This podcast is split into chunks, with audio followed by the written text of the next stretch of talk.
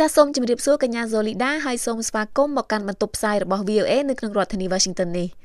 ចាជាដំបូងកញ្ញាអាចរៀបរាប់អំពីបទពិសោធន៍សិក្សារបស់កញ្ញានៅសហរដ្ឋអាមេរិកនេះបានដែរឬទេចានេះខ្ញុំបានមកដល់សហរដ្ឋអាមេរិកនៅក្នុងឆ្នាំ2016ខែកញ្ញាហើយសម្រាប់មកទល់ពេលនេះនាងខ្ញុំនៅក្នុងឆមាសទី2 ហើយនាងខ្ញុំបានចូលរួមនៅក្នុងក្លឹបសិក្សាជាច្រើន នៅក្នុងសាលាហើយនិងនៅក្រៅសាលាហើយមិនត្រឹមតែប៉ុណ្ណោះអឺ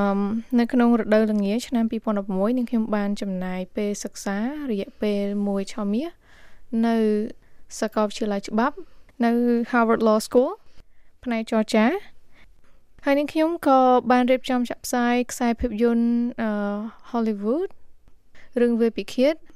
សម្រាប់និស្សិតអន្តរជាតិនៅក្នុងសាលាផងដែរហើយនេះខ្ញុំគិតថាការចូលរួម នៅក្នុងកិច្ចការសាលាហើយនឹងក្លឹបសិក្សា គឺមានសារៈសំខាន់ដើម្បីជួយយើងមិនត្រឹមតែអភិវឌ្ឍខ្លួនយើងឲ្យបានល្អជាងមុនក្នុងនាមជានិស្សិតអន្តរជាតិតែវាក៏អាចជួយឲ្យយើងរៀបចំខ្លួនបានល្អសម្រាប់ការងារនៅថ្ងៃអនាគតដែរ ចាស់ហើយតើកញ្ញាអាចបញ្យល់បញ្ជាក់បន្ថែមថាតើការចូលរួមនៅក្នុងការងារសាលាក្រៅពីម៉ោងសិក្សាក៏ដូចជាធ្វើការងារស្ម័គ្រចិត្តអីផ្សេងៗហ្នឹងផ្ដល់អត្ថប្រយោជន៍ដល់យើងដូចម្ដេចខ្លះការចូលរួមនៅក្នុងការងារសាលាឬក៏ការងារស្ម័គ្រចិត្តគឺអាចជួយពង្រឹងសមត្ថភាពយើងឲ្យបានយល់ដឹងច្រើនជាងមុនអំពីការទំនាក់ទំនងអំពីការតាក់ទងប្រស័យរវាងនិស្សិតអន្តរជាតិនិងនិស្សិតជនជាតិអាមេរិក ហើយយើងអាចរៀននឹងបានច្រើនអំពីវប្បធម៌របស់ប្រទេសមួយមួយហើយយើងអាចមានឱកាសនៅក្នុងការបង្ហាញនៅប្រទេសជាតិរបស់យើងវប្បធម៌របស់យើងរួមទាំងរៀនពីវប្បធម៌និងប្រទេសជាតិរបស់គេដែរចាចុះចំពោះបទពិសោធន៍កញ្ញាផ្ទាល់តាមរយៈការដែលកញ្ញាដូចថាមកតំណាក់តំណងជាមួយនឹងនិស្សិតអន្តរជាតិក៏ដូចជាជនបរទេសដែលមកពីស្ទើរតែគ្រប់ប្រទេសទាំងអស់លើពិភពលោកហ្នឹង ថាតើចំពោះបទពិសោធន៍របស់ពួកគាត់ដែលស្គាល់អំពីវប្បធម៌ខ្មែរយើងនឹងមានលក្ខណៈយ៉ាងដូចម្ដេចដែរចាខ្ញុំគិតថាអ្វីដែលគាត់ដឹងពីប្រទេសកម្ពុជាមិនថាប្រវត្តិសាស្ត្រនយោបាយឬក៏សេដ្ឋកិច្ចឬក៏អ្វីដែលកើតឡើងនៅក្នុងនាពេលបច្ចុប្បន្ននេះគឺនៅមានកម្រិតនៅឡើយដូច្នេះហើយក្នុងនាមខ្ញុំជានិស្សិតអន្តរជាតិដែលមកពីប្រទេសកម្ពុជានឹងខ្ញុំគិតថាខ្ញុំមានទូនាទីសំខាន់សម្រាប់បង្ហាញចេញឲ្យ អន្តរជាតិគាត់បានដឹងថាកម្ពុជា ជាប្រទេសយ៉ាងដូចម្ដេចហើយប្រជាជនកម្ពុជា និងវប្បធម៌កម្ពុជាមានលក្ខណៈយ៉ាងដូចម្ដេចដែរចាហើយអឺចំពោះកញ្ញាផ្ទាល់តាមរយៈការសង្កេតមើលរបស់ខ្លួនថាតើយុវជនខ្មែរយើងតើគាត់ចូលរួមនៅក្នុងសង្គមបានយ៉ាងដូចម្ដេចខ្លះទាំងនៅក្នុងប្រទេសកម្ពុជាក៏ដូចជានៅឆាកអន្តរជាតិ ចាអឺនៅក្នុងឆាកអន្តរជាតិខ្ញុំគិតថាយុវជនខ្មែរយើងដែលគាត់មានឱកាសទៅរៀននៅស្រុកក្រៅគឺគាត់បានចូលរួមក្នុងកិច្ចការសង្គមច្រើនអឺដោយឡែកយុវជននៅក្នុងប្រទេសកម្ពុជាក៏គាត់អឺឥឡូវនេះក៏ក៏កំពុងតែចូលរួមកិច្ចការសង្គមបានច្រើនដែរប៉ុន្តែអឺខ្ញុំគិតថាបើសិនបើគាត់អាចផ្ដោតសំខាន់លើអ្វីដែលគាត់ចង់បាន ហើយចូលរួមកិច្ចការសង្គម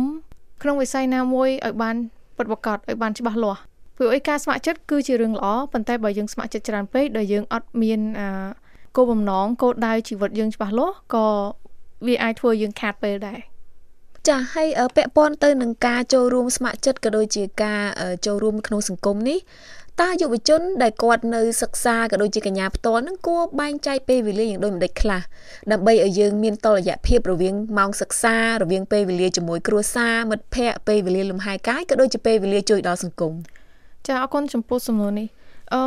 យុវជនចូលរួមក្នុងកិច្ចការសង្គមគឺជារឿងមួយល្អប៉ុន្តែដរាបណាគាត់អាចបែងចែកពេលវេលាគាត់អាចបានច្បាស់លាស់គាត់អាចចូលរួមកិច្ចការសង្គមបាន ប្រសិនបើគាត់អាចគ្រប់គ្រង ការងារសាលារបស់គាត់ការចែកពេលវេលារបស់គាត់ទៅលើអឺគ្រួសារទៅលើមិត្តភ័ក្តិនិងការកំសាន្តរបស់គាត់ឲ្យមានកម្រិតកុំឲ្យគាត់ចេះតែផ្ដោតសំខាន់ទៅលើកិច្ចការស្ម័គ្រចិត្តច្រើនពេកដែលគាត់ភ្លេចគិតពីគ្រួសារភ្លេចគិតពីការរៀនក៏វាមិនមែនជារឿងល្អដែរ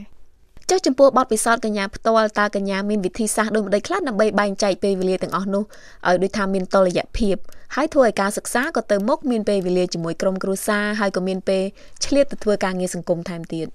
ចាអរគុណអឺខ្ញុំគិតថាវាកើតចេញពីទម្លាប់យើង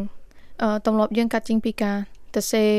កំណត់ហេតុចាំថ្ងៃយើងត្រូវបែងចែកពេលវេលាថាយើងមានពេលសម្រាប់កម្មវិធីនេះប៉ុណ្ណា យើងមានពេលសម្រាប់ការរៀននេះប៉ុណ្ណាដើម្បីសម្រេចគោលដៅយើងបានដូច្នេះបទពិសោធន៍របស់កញ្ញាផ្ទាល់គឺទៅសេជាការវិភាគមានការវិភាគច្បាស់លាស់ហើយមានជាសិភៅកំណត់ហេតុផ្ទាល់ខ្លួនចឹងទៅថាតើរាល់ថ្ងៃគួរធ្វើអីខ្លះចាហើយចំណុចសំខាន់មួយទៀតយើងទៅសេហើយយើងត្រូវអនុវត្តទៅតាមការទៅសេរបស់យើងបើយើងទៅសេហើយយើងអត់ធ្វើតាមក៏អានឹងក៏អត់មានន័យដែរចុះកញ្ញាដែលធ្លាប់ថាទៅសេហើយប៉ុន្តែធ្វើអត់បានទៅតាមកាលវិភាគដែលបានកំណត់ទុកទេ ចាអឺបើនិយាយតាមត្រង់ទៅ យើងអាចធ្វើបាន100%ទេមានពេលខ្លះយើងអាចធ្វើបានដែរប៉ុន្តែសួរថាតើយើងអាចឆ្នៃវាឆ្នៃពេលវេលាដែលយើងនៅសល់ឬក៏ឆ្នៃពេលវេលាដែលយើងមានពេលនៅថ្ងៃអនាគតហ្នឹងតើយើងអាចទៅធ្វើថ្ងៃក្រោយអញ្ចឹងមានន័យថាបើសិនជាពេលខ្លះទៅបើសិនជាយើងខកខានធ្វើមិនបានទៅតាមកាលវិភាគដែលកំណត់ក៏អាចទុកធ្វើទៅថ្ងៃក្រោយតទៅទៀតទៅ ចាប៉ុន្តែយើងអត់ត្រូវភ្លេចថាគោលដៅ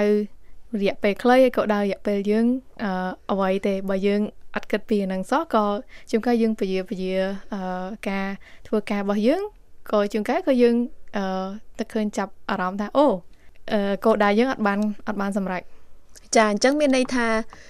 យើងត្រូវចេះកំណត់គោលដៅខ្លួនឯងផ្សារភ្ជាប់ជាមួយនឹងការអនុវត្តជាក់ស្ដែងដែលមានរៀបចំជាការវិភាគជាសភៅកំណត់ហេតុអីចឹងទៅហើយសំខាន់ជាងគេគឺមានឆន្ទៈហើយនឹងមានមនសិការខ្លួនឯងថាដឹងខ្លួនឯងថាត្រូវធ្វើអីខ្លះ ចាពិតប្រកបហើយចាហើយជាចុងក្រោយនេះតើកញ្ញាមានពាក្យពេចន៍អ្វីចង់ផ្ដាំផ្ញើដល់យុវជនខ្មែរយើងដែរទេ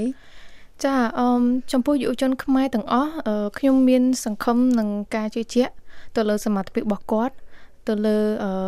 ការច្នៃប្រឌិតរបស់គាត់ហើយនឹងទៅលើកម្លាំងចិត្តរបស់គាត់អឺប៉ុន្តែខ្ញុំសូមសំណូមពរឲ្យគាត់ចំណាយពេលឲ្យច្រើនជាងមុនធ្វើរឿងដែលមានប្រយោជន៍អឺដូចជាកាត់បន្ថយ ការចូលរួមនៅក្នុងប្រព័ន្ធអ៊ីនធឺណិតដែលមិនមានប្រយោជន៍ជាងមុនពីព្រោះអីបើយើងគិតទៅប៉ះសិនបើអឺយើងចំណាយពេល1ម៉ោងអឺ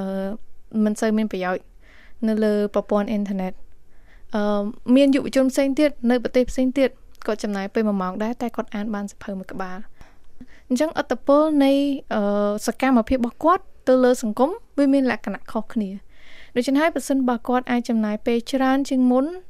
អានសភៅចំណាយពេលច្រើនជាងមុនធ្វើរឿងដែលមានប្រយោជន៍តាមដានព័ត៌មានហើយនឹងអឺធ្វើដំណើរកំសាន្តធ្វើដំណើរទៅកាន់កន្លែងបានច្រើនដើម្បីឲ្យគាត់យល់ដឹងថាពិភពលោកវាធំប៉ុណ្ណាហើយតើប្រទេសយើងមួយប្រទេសផ្សេងឬក៏មិនថាឡើយប្រទេសយើងទៅប្រទេសផ្សេងទេអឺនៅក្នុងប្រទេសយើងតែមូលតំបន់មួយ ពីតំបន់មួយវាខុសគ្នាប៉ុណ្ណា ហើយខ្ញុំគិតថាការដែលគាត់អាចធ្វើដំណើរបានច្រើន គឺអាចឲ្យគាត់យល់ពីខ្លួនឯងបានកាន់តែច្រើន ហើយនឹងអាចឲ្យគាត់ដឹងថាតើប្រទេសយើងត្រូវការអីហើយតើពិភពលោកសពថ្ងៃមានបញ្ហាអីខ្លះហើយនឹងមានរឿងល្អយ៉ាងម៉េចខ្លះចាសសូមអរគុណដល់កញ្ញា Zolida ដែលបានចំណាយពេលវេលាផ្ដល់បទសម្ភាសន៍ដល់ VOA នៅក្នុងរដ្ឋធានី Washington នេះចាសសូមអរគុណសូមជម្រាបលាចាសសូមអរគុណ